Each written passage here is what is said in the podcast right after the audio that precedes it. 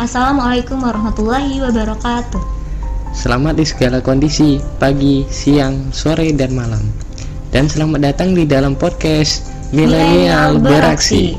Bersama dengan saya Syahrul Ramadan dan teman saya Astriti Latifa yang merupakan pionir dalam pembuatan podcast ini. Nah, pada kesempatan yang berbahagia ini, kami berdua akan berbincang-bincang perihal inovasi kemerdekaan. Kalau kita ngomongin kemerdekaan nih, ngomongin 17 Agustus, apa yang ada di benak orang-orang? Asumsi saya yang ada di benak mereka ya lomba-lomba, seru-seruan, kayak panjat pinang, makan kerupuk, dan lain-lain. Pokoknya sih lomba yang mewujudkan perasaan euforia lah. Nah, terus kita perlu inovasi di bagian apa nih? Bagian lomba jadi nanti kalau ada lomba panjat, panjat pinang gitu kita inovasikan pakai lift aja biar memudahkan peserta kan sejatinya inovasi itu pembaruan yang lebih efektif. Ya bukan gitu lah. Sekarang kan kita semua tahu kalau bumi kita ini sedang dilanda pandemi virus corona yang sangat berbahaya sekali. Nah kalau kita mengadakan lomba-lomba seperti tahun-tahun sebelumnya resiko kita terjangkit virus ini semakin besar dan bukannya merayakan kemerdekaan, kita malah melecehkan kemerdekaan dengan tidak menyayangi nyawa kita. Iya, betul. Iya, coba kita masih maksa untuk ngadain nyesel pahlawan-pahlawan kita dulu. Ngapain capek-capek berjuang untuk kemerdekaan kalau anak cucu bangsa ini malah mau bunuh diri massal? Kan gini, lomba-lomba seperti itu bisa dialihkan ke ranah virtual, tapi nyawa kita nggak bisa dialihkan ke medium mana pun. Kayak yang di film-film itu, nyawanya dipindah ke vas bunga. ya, betul. Jadi, apa yang kita inovasi ini? Oke, yang pertama kita menginovasi makna dari kemerdekaan itu sendiri. Jadi, kemerdekaan itu jangan cuma diartikan dan dikaitkan dengan perasaan euforia terus-terusan, tetapi harus dimaknai lebih dalam. Ya, betul. Terus saat ini juga, entah sadar atau, atau tidak, sebenarnya kita ini tidak merdeka secara absolut. Ada saja bagian penting dari diri yang masih terjajah Nah, contohnya yaitu kemerdekaan dalam berpikir. Ya, benar. Salah satu alasan mengapa inovasi-inovasi begitu minim dalam hal yang berkaitan dengan kemerdekaan ini adalah belum terbebasnya pikiran-pikiran kita dari belenggu. Belenggu-belenggu itu sendiri ada pada pemikiran kita yang bergantung dan condong pada suatu persepsi ataupun dogma-dogma tertentu. Nah, contoh dari penjajahan pikiran itu seperti ini yaitu pengambil alihan cara kita berpikir sebagai manusia melalui pencitraan iklan dan berita media yang, tidak seimbang. Nah, Oke, okay, mari kita telah dua kasus mengenai iklan minuman ringan dan krim pemutih. Sebagai orang biasa nih, mungkin kan kita bertanya-tanya, loh kan orang kan bebas membuat iklan. Kita iya. semua kan punya pilihan. Mengapa memilih sesuatu yang belum tentu bermanfaat, bahkan justru bisa membahayakan? Tetapi ada pertanyaan yang lebih mendasar. Pernahkah kita bahkan mengajukan pertanyaan-pertanyaan seperti ini? Enggak kan? Nah, jika Anda adalah orang miskin, maka Anda bahkan tidak punya waktu untuk bertanya. Anda hanya akan melihat citra yang ditayangkan setiap saat, setiap hari, setiap bulan, di setiap tempat. Oke, kasus yang pertama minuman ringan. Minuman ringan merupakan produk perusahaan multinasional Misalnya dijual dengan harga yang nyaris dapat dijangkau kaum miskin. Produk ini juga mencitrakan simbol gaya hidup penuh kesuksesan. Carrie Fowler, seorang ekonomi PBB nih, mengatakan kaum miskin di negara dunia ketiga melihat melalui iklan bahwa minuman ringan setara dengan citra keluarga kelas menengah kulit putih yang bahagia dan sejahtera. Mereka juga ingin yang terbaik untuk anak-anak mereka. Karena itu, mereka memberikan minuman ringan kepada anak-anak itu akibatnya bayi mereka bukannya dapat ASI air susu ibu malah dapat Fanta demikian pula citra yang ditimbulkan oleh krim pemutih seorang perempuan yang percaya diri dalam pekerjaan berhasil dalam hubungan dengan para lelaki dan juga baik hati. Semua karena krim pemutih bahkan para perempuan terdidik di kota termakan iklan itu. Pada awalnya saya berpikir bahwa iklan pemutih ini bersifat rasis karena melecehkan nilai intrinsik seseorang yang berkulit gelap. Tetapi, ternyata perusahaan krim pemutih juga memproduksi krim untuk membuat kulit gelap dan dijual di negara-negara yang pendukungnya berkulit terang dengan pesan sama tapi berlawanan. Kulit berwarna itu cantik, artinya konsumen didorong untuk berpikir bahwa jadi diri sendiri. tidaklah baik menjadi orang lain lebih baik. Ya, betul. Nah, terus tentu saja bisa dikatakan adalah hak produsen untuk memberikan citra demikian kepada konsumennya. Bukankah konsumen itu punya hak memilih? Namun pemikiran tersebut dilandasi asumsi bahwa pasar itu tidak pernah salah dan bahwa semua orang punya nalar, pendidikan dan kebebasan memilih. Padahal sebenarnya tidak. Asumsi asumsinya pengetahuan konsumen dan produsen sama, pengetahuan konsumen di seluruh dunia dari seluruh lapisan ekonomi sama dan hak serta kewajiban konsumen sama dengan produsen. Tentu saja tidak demikian halnya. Para ibu miskin di Afrika yang adalah juga konsumen tidak bisa membaca kandungan minuman ringan. Kalaupun bisa membaca tidak paham bahayanya. Karena itu citra yang mereka lihat mereka anggap benar, tetapi akibatnya adalah hak anak-anak mereka atas kesehatan tidak terpenuhi. Ada paradigma tertentu yang terbentuk di dalam benak kita dan mungkin inilah cikal bakal memetik engineering yang disebutkan di atas. Paradigma tersebut adalah penyeragaman cara berpikir guna memudahkan perusahaan menghasilkan produk yang seragam untuk pasar yang seragam. Hal yang paling jelas adalah bagaimana selera makan anak-anak Indonesia dibentuk melalui citra bahwa McDonald, KFC, dan sejenisnya adalah trendy, enak, modern, murah, bersih, dan sehat. Nah, teman-teman, Begitulah kira kiranya dalam kasus di atas, penyebab pikiran kita terjajah adalah karena kita selalu mengiyakan apa yang diiklankan dan hasilnya kita tidak bisa berpikir sendiri. Padahal pemikiran-pemikiran yang cemerlang itu diharapkan keluar dari para generasi milenial, tetapi realitanya menunjukkan pemuda sekarang mudah diombang-ambingkan. Penulis A.A. Nafis bahkan menyindir generasi ini dalam kumpulan cerpennya Robohnya Surau Kami.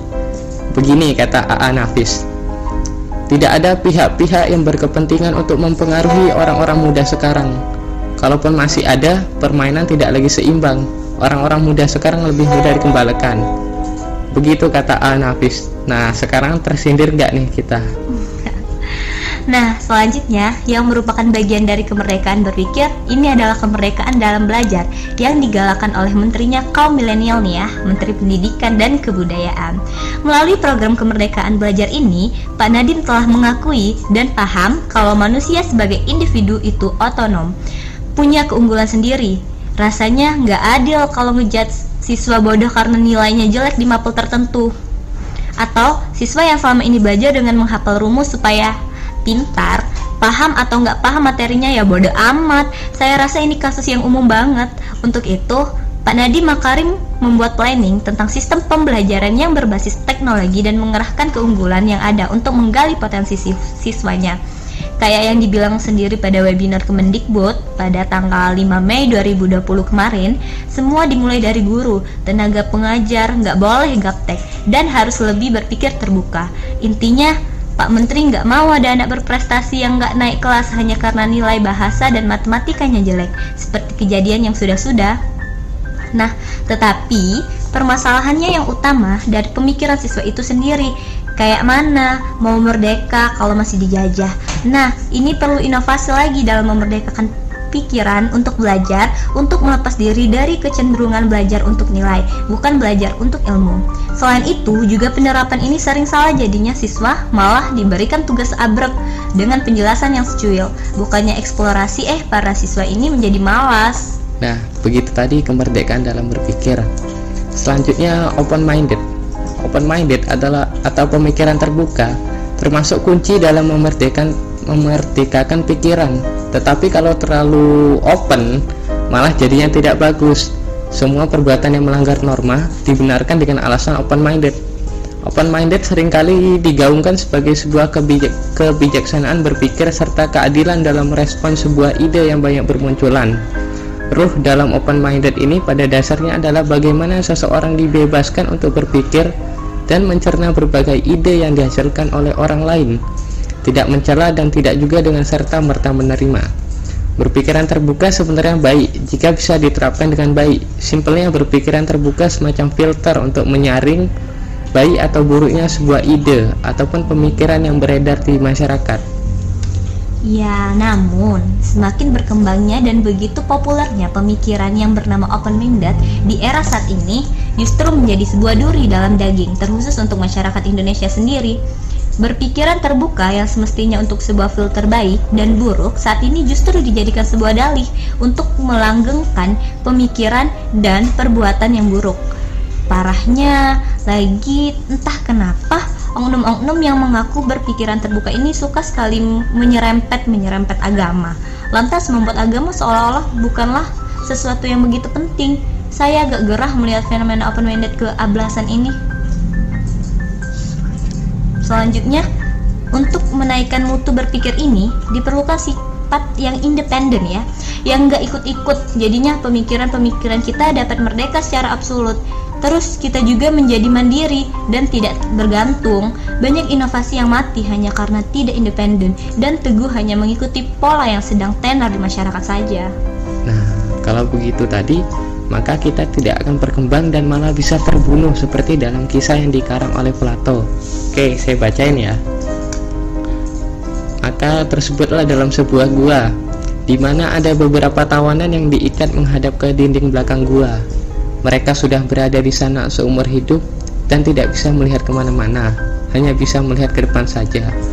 Akan tetapi, mereka bisa melihat bayang-bayangan orang di dinding belakang gua Bayang-bayangan ini disebabkan oleh sebuah api yang berkobar di depan di lubang masuk ke gua ini dan orang-orang di luar gua yang berjalan berlalu lalang.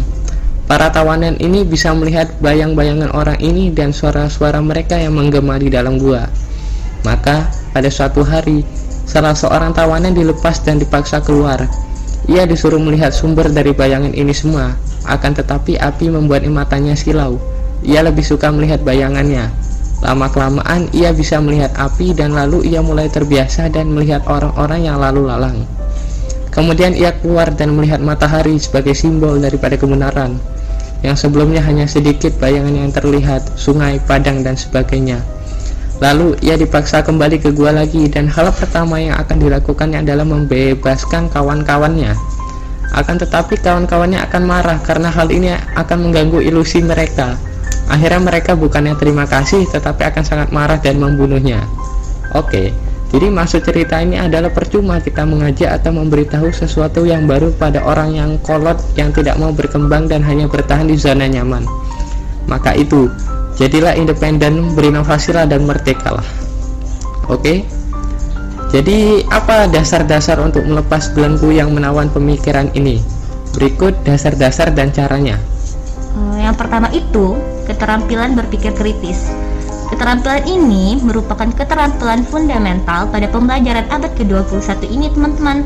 Keterampilan berpikir kritis ini mencangkup kemampuan mengakses dan menganalisis informasi. Yang kedua, keterampilan dalam problem solving. Keterampilan memecahkan masalah mencakup keterampilan mengidentifikasi, mencari, memilih, mengevaluasi, dan mempertimbangkan berbagai alternatif dan menafsirkan informasi. Pendidik harus memiliki kemampuan untuk mencari berbagai solusi dari sudut pandang yang berbeda dalam memecahkan masalah yang kompleks. Ketiga, keterampilan komunikasi dan kolaborasi. Kemampuan komunikasi mencangkup keterampilan dalam menyampaikan pemikiran dengan jelas, sedangkan kemampuan kolaborasi adalah kemampuan untuk bekerja sama, baik dalam lingkup mikro maupun makro. Keempat, Kemampuan berpikir kreatif dan inovatif dengan memiliki kemampuan berpikir kreatif dan inovatif, diharapkan pendidik dapat menerapkan ide-ide baru dalam proses pembelajaran, sehingga dapat memacu peserta didik untuk berpikir kreatif dan inovatif. Dan yang terakhir, literasi teknologi dan informasi.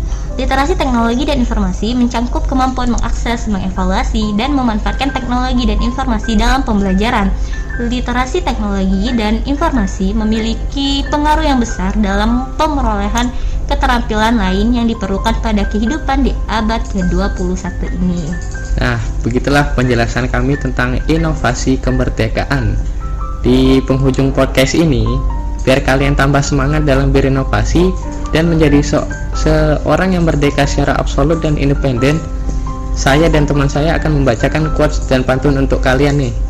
Quote saya dari Pramudia Pramudia Anantatur. Berbahagialah dia yang makan dari keringatnya sendiri, bersuka karena usahanya sendiri, dan maju karena pengalamannya sendiri. Ya, betul. Beli nasi di kota langkat, minum jahe Cakep. badannya hangat. Walau virus belum diangkat, mari belajar tetap semangat. Assalamualaikum warahmatullahi wabarakatuh.